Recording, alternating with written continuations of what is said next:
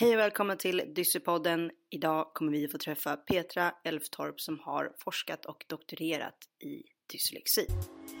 Hej Petra! Hej Maria! Vad roligt att du kunde vara med oss. Vi tog ju kontakt med dig i Nätverk för studie och eh, yrkesvägledare. Ja, anledningen till att jag eh, hittade er eh, förfrågan där på Facebookgruppen för vägledare, det var att jag har en grundutbildning i studie och yrkesvägledning från Stockholms universitet. Eh, men efter, sen dess så har jag bott och jobbat på Irland och eh, det var egentligen i mitt första jobb som vägledare när jag eh, hade en grupp med vuxna som hade lämnat skolan i väldigt ung ålder och som skulle tillbaka och försöka komma, ja, förbättra vissa grund, grundkunskaper i dels läsning och, och sådär men även eh, mer generellt att få, få en bra grundutbildning. Och när jag träffade dem så hade jag speciellt en grupp med vuxna som ja, där det råkade bli så att nästan alla utav de 15 vuxna i min grupp sa att de hade dyslexi. Um, och det var inte så att det var en grupp som egentligen var specifikt för vuxna med dyslexi men det blev liksom en slags... Ehm, ja, det var egentligen bara en eller två som hade en diagnos. Mm. Och jag kände att i min roll så visste jag inte riktigt vad jag borde göra eller vad jag inte borde göra. Och jag kände mm. verkligen en osäkerhet eh, professionellt. Och där kan, det var väl där som mitt intresse i att forska kring dyslexi egentligen kom ifrån. Ja. Men eh, på ett, ett sätt ganska komiskt att det, att det blev så. Att, att det var inte tänkt att det skulle vara en, en vuxengrupp för dyslektiker men, men att det var så pass många ändå som hade det. Ja precis och speciellt när man tänker då var det ju vuxna. De, var ju, de yngsta var nog eh, i 40-årsåldern och det var en del i 50-60-årsåldern också. Och det är rätt så ofta som det finns som stigma kan vara ganska stark eh, i de åldersgrupperna.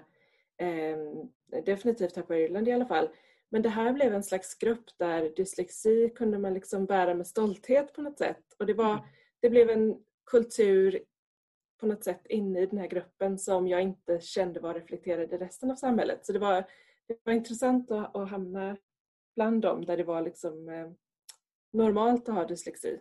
Kan man säga fantastiskt att, att höra, just som också vuxen dyslektiker som, som jag nu är, att jag fick också min diagnos väldigt sent, men med jämförelse med andra så kanske inte jättesent. Jag fick någon, någon gång där på gymnasiet och jag kan tänka mig att det kan ju också bli en ganska chock om man får det ja, men runt 40 och man har, man har varit i arbetslivet ett tag och kanske hittat sina sätt och sina vägar för att att kringgå eh, sin, ja, men, sin svaghet så att säga. Men, men någonting som är väldigt spännande där som du säger, det är ju det här med att ni fick en kultur där det snarare var att, ja, men, att det är positivt och stärkande att ha dyslexi som vuxen. Hur, eh, hur tror du att det kom sig att det blev den kulturen i gruppen? Jag tror det hade väldigt mycket att göra med de två som hade diagnosen dyslexi. De var väldigt positiva och eh, starka, om man nu ska använda det ordet, eh, eh, personligheter i en grupp och att mm. gruppdynamiken, liksom, eh, att de kunde driva den och det, det, var en väldigt sammansvetsad grupp också. Sen, sen i efterhand så tror jag inte att alla faktiskt hade dyslexi.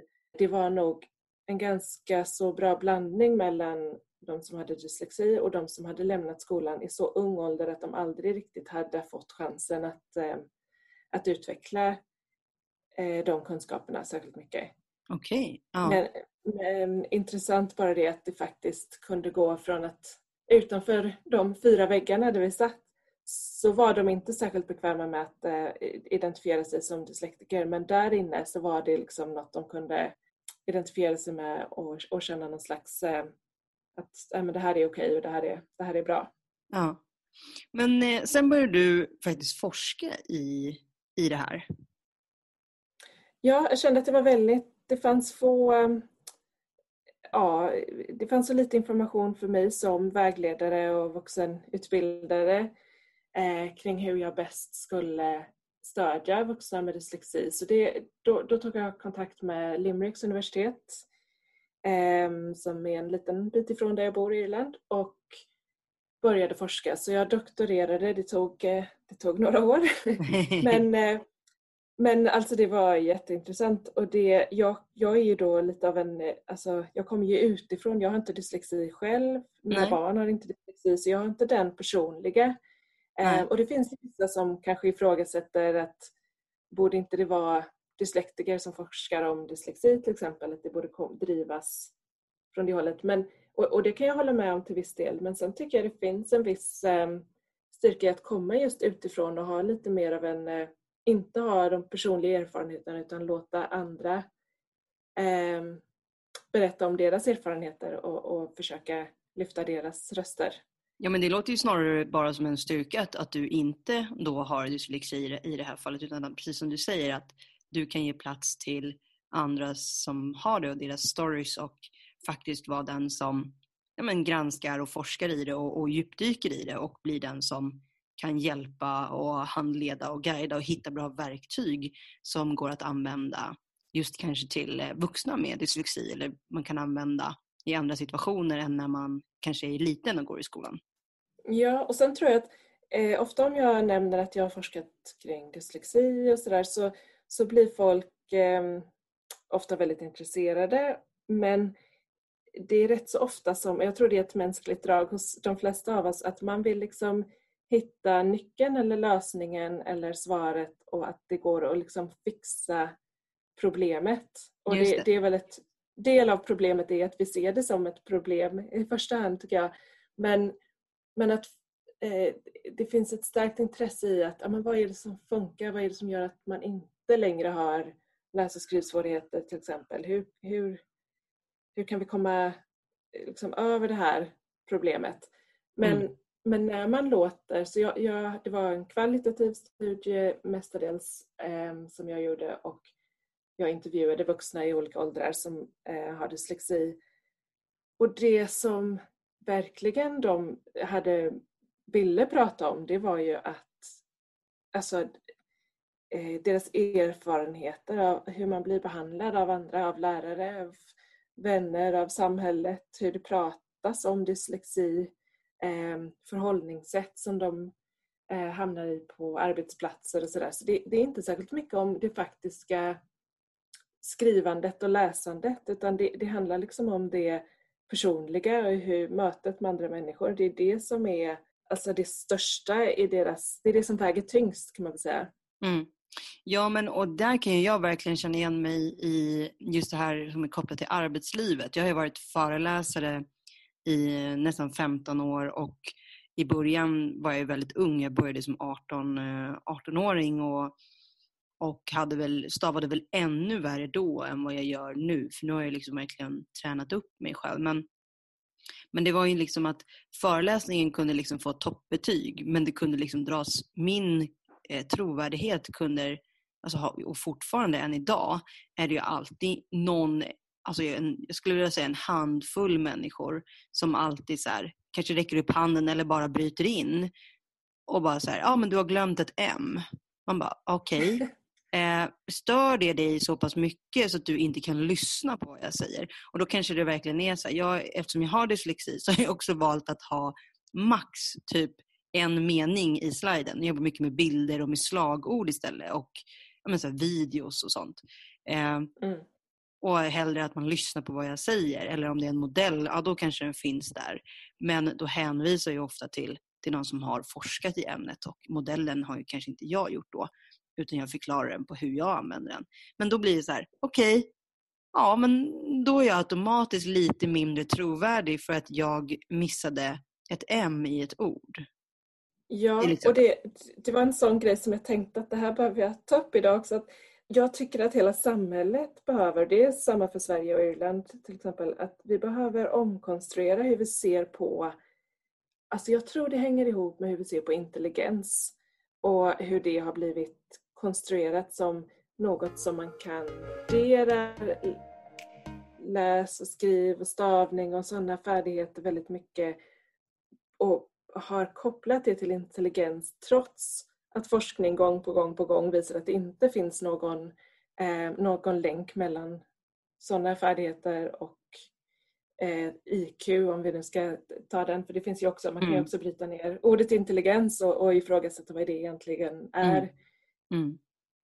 Ja men och verkligen och jag, jag, gillar att du gör det och att vi pratar om det för att just det du är inne på att sam, samhället eller framförallt vårt arbetsliv och näringsliv har ju länge rekryterat på just IQ. Alltså de barometrarna skulle ha varit väldigt höga men nu mer och mer tycker jag ändå att man ser att, att rekrytering kan gå till på flera sätt än ett. Att man kan faktiskt eh, söka jobb i form av att jag skickar in en video. Jag kan vara duktig på att presentera mig eller pitcha in mig som person.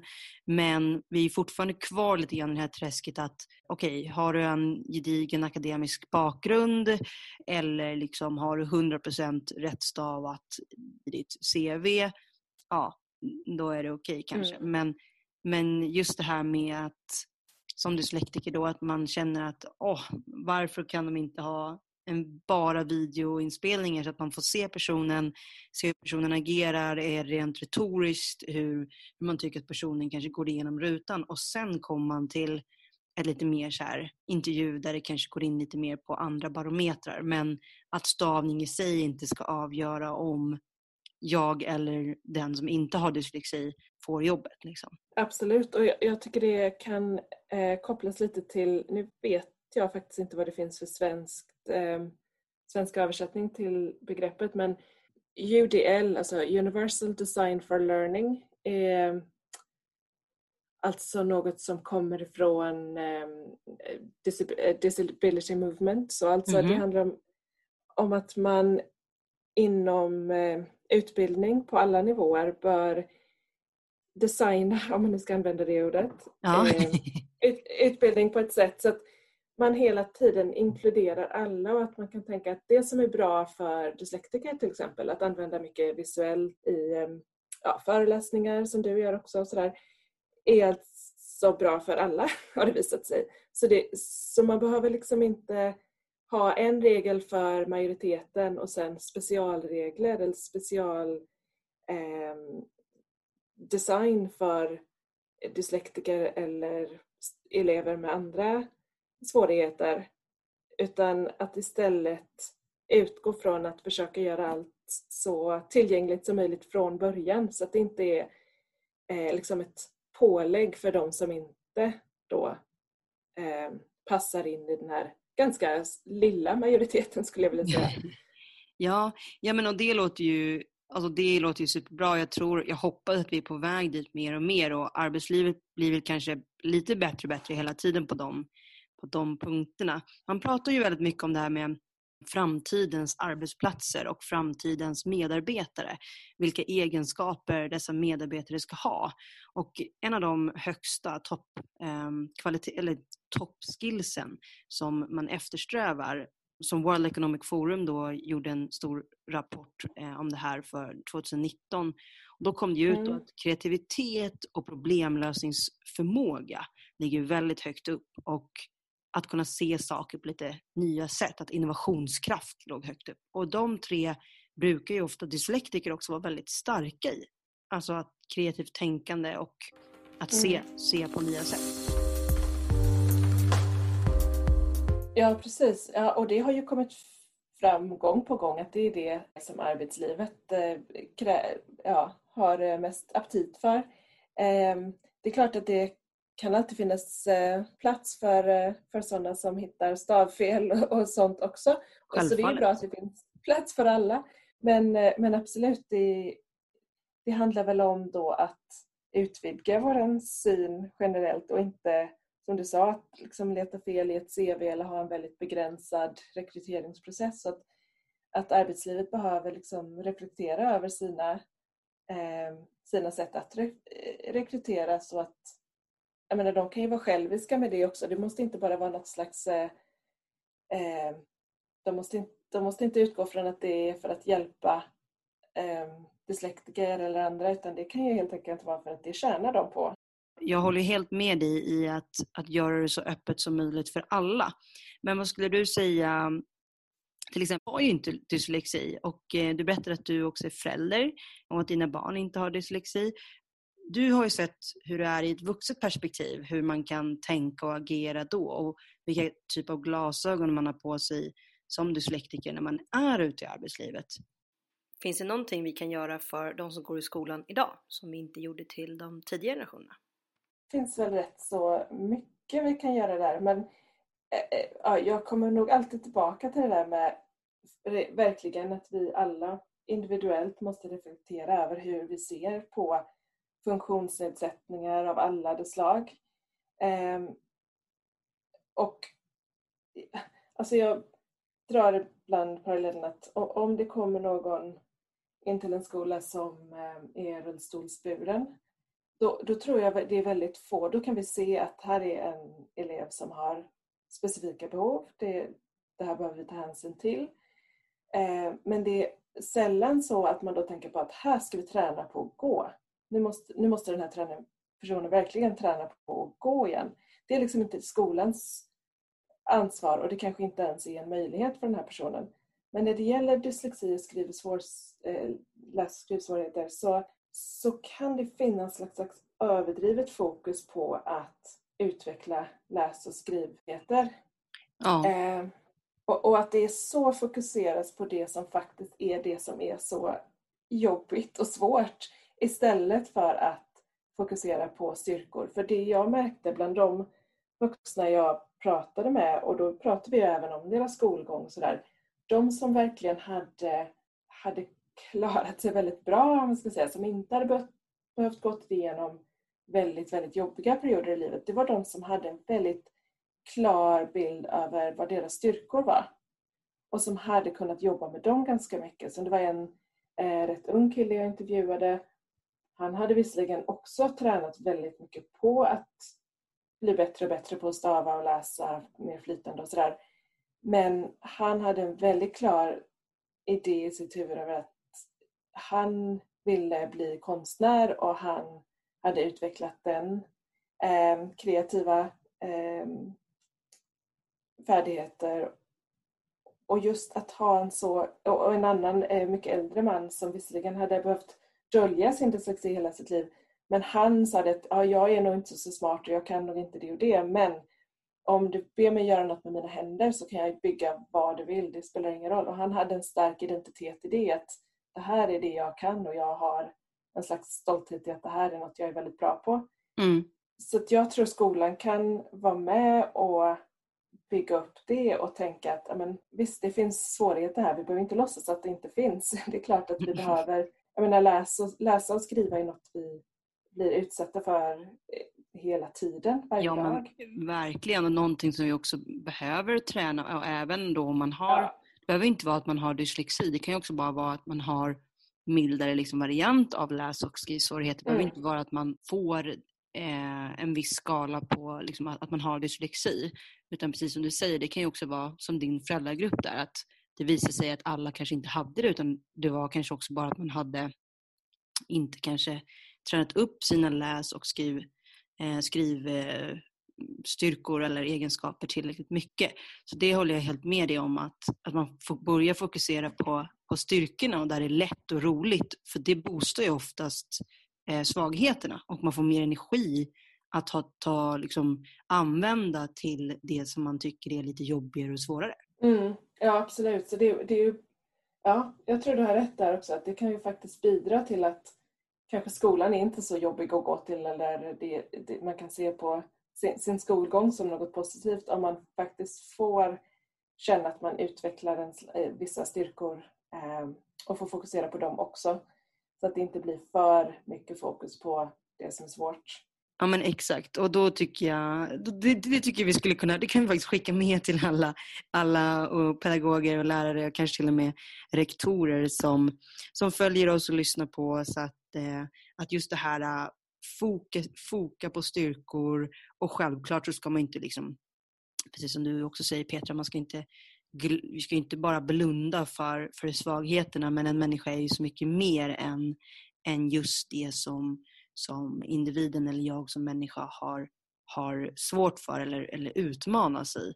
Och eh, där kan ju skol, skolan verkligen hjälpa till att boosta våra framtida medarbetare så att de också känner sig trygga i att utveckla sina svagheter. Mm. En annan sak jag tror skulle vara bra, det var också en sån sak jag märkte i min forskning, att eh, en del av dem jag intervjuade hade ett jättebra vad ska man säga, språk när det gäller att berätta vad de behöver i arbetslivet, för de var ju vuxna nu då. Och det tror jag att skolan kanske kan börja och hjälpa till att bygga upp. Att man eh, som kanske är ny på en arbetsplats, om de nu har en eh, mer öppen kultur och att det inte är så stigmatiserande att, att ha dyslexi, att man har kanske till och med har några meningar förberedda. Att, att man pratar om att inte bara säga att ja, sen har jag ju dyslexi, utan man säger att på grund av min dyslexi så behöver jag eh, A, B eller C för att eh, nå min potential här och, och kanske ha en, en, en väl formulerad idé om hur man bäst jobbar och kanske, jag menar det finns ju massvis med hjälpmedel och väldigt många av dem är helt gratis. Det, det bidrar inte till några kostnader för arbetsgivaren heller. Men det kan ju vara att någon kanske behöver sitta i en del på ett kontor där det, fin- där det är lite mer lugn och ro, där man kanske kan använda eh, vissa mjukvaror där man kan tala in och att det omvandlas till skrift till exempel. Ja, alltså superbra. Vilket fint tips eh, till dels till eh, de som arbetar med våra barn och unga i skolan idag men också till de som är ute i arbetslivet eller är i en jobbsökningsprocess just nu och, och kanske känner att eh, ja, jag är inte så himla stolt över min dyslexi.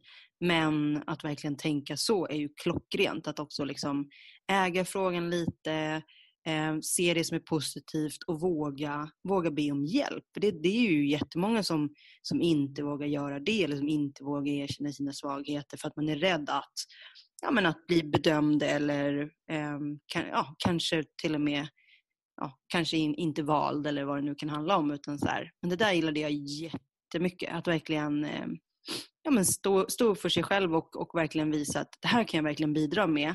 Men en av mina största utmaningar är, är det här och det har jag löst på det här och det här sättet tidigare. Men det skulle underlätta om jag kunde få det här. Det är ju jättebra. Ja, precis. Ja, och jag, jag tror faktiskt det, det är nog väldigt mycket svårare att faktiskt göra det och bygga upp den, eh, det självförtroendet att, att göra det. Men absolut värt det. Och man får väl tänka så att arbetsgivare, man kan ju förstå att inte de alltid vet vad som, hur de ska agera för att vara inkluderande och för att hjälpa. Så att till arbetsgivare kan man ju också säga att fråga gärna dina arbetstagare vad, vad som skulle kunna hjälpa dem och hur, hur något skulle kunna underlättas för dem. För det, det är ju sällan, tror jag, när det gäller dyslexi, speciellt som det faktiskt är något som kostar en arbetsgivare. Det finns så väldigt många lätta knep Ehm, och gratis mjukvaror och allt möjligt som, som finns så tillgängligt. Så, så det är inte så svårt som man kan tro, men det, det gäller att man har en slags eh, öppen konversation om det. Ja, det är superbra Petra. Tack så jättemycket. Du eh, Petra, vi börjar närma oss eh, ett avslut och vi brukar alltid fråga lite grann om man har tips till, till föräldrar som har barn hemma med dyslexi. Något så här ett, två, tre tips om man vill eller bara ett tips att skicka med till våra lyssnare som är föräldrar. Ah, vad svårt. Ja, den är svår. Jag där och, och ja. Eh, alltså något som jag kanske tar upp nu då för att jag inte har gjort det hittills, det är alltså diagnos. Och det är ju lite kontroversiellt och i många länder, inklusive Sverige, så ska man inte behöva ha en diagnos för att få den hjälp man har rätt till i skolan. Men jag skulle vilja vända på det här och säga att jag tycker att alla har, borde ha en rätt till diagnos. Inte att man måste ha det för att få hjälp, men att det kan vara så betydelsefullt. Det kanske inte alla det kanske inte är det för alla och alla måste inte ha det så jag vill inte påtvinga någon att ta en eh, ordentlig eh, diagnos, alltså en ordentlig utredning. Mm. Men det är ju mer än bara eh, ett papper och ett ord där det, man liksom eh, kryssar i en, en box. Det handlar ju också om att det ju, om det är gjort på ett rätt sätt så är det ju väldigt grundligt och man får ju också rekommendationer om att på grund av vad vi hittade i utredningen så borde det här vara bra hjälpmedel, det här kan vara något som du kan träna på, det här är din styrka. Så det är mycket mer än att bara hitta namnet på ett fel man har eller problem. Det, det kan vara och det kan vara, och just med tanke på att vi fortfarande eh, felaktigt men ändå kopplar ihop dyslexi med intelligens så är det liksom svart på vitt att nej, det här har inte med intelligens att göra. Jag kan identifiera mig som intelligent om, om jag har, vill det, eh, men är samtidigt som dyslektiker. Och att man får sätta ett namn på någonting. Ja, det finns så många fördelar med att ha diagnos och det är inte nödvändigtvis kopplat till att få resurser i skolan. Det kanske är en del, det kan vara lättare att få tillgång till rätt resurser. Mm. Men, men jag tror på en väldigt eh, på ett psykologiskt plan så kan det vara otroligt betydelsefullt. Mm. Speciellt mm. när man jämför med de som inte har fått diagnosen okay. och som undrar och funderar och som är väldigt eh, ja, tvivlar väldigt mycket på sina egna eh, ja, färdigheter och så. Ja. Ja, ja men eh, tack så jättemycket Petra. Jag fick också någonting att fundera där på. Eh, så det är klockrent. Och Petra, tack så mycket för att du var med oss, för att du tog dig tid och det har varit jätteintressant att få prata med dig och eh, lyssna till, till dig och dina erfarenheter. Får ha en jätte, jättefin eh, fortsättning på veckan. Tack samma Maria, jättekul att du ringde. Tack så jättemycket för att ni har lyssnat på Dyssepodden en gång till.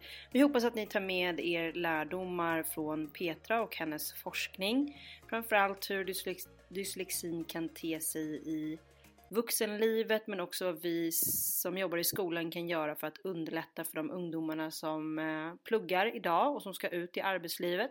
Jag hoppas också att ni från arbetslivet ta med er hur vi kan börja fokusera på styrkor och hur vi kanske kan göra om ansökningsprocessen till arbeten. Kanske går mer och mer till videoinnehåll och titta lite mindre på själva stavning och att stavningen är det som blir bedömd i kunskap. Vi ser fram emot att få träffa nya gäster och att få prata med er igen i nästa avsnitt. Ha det så fint, hejdå!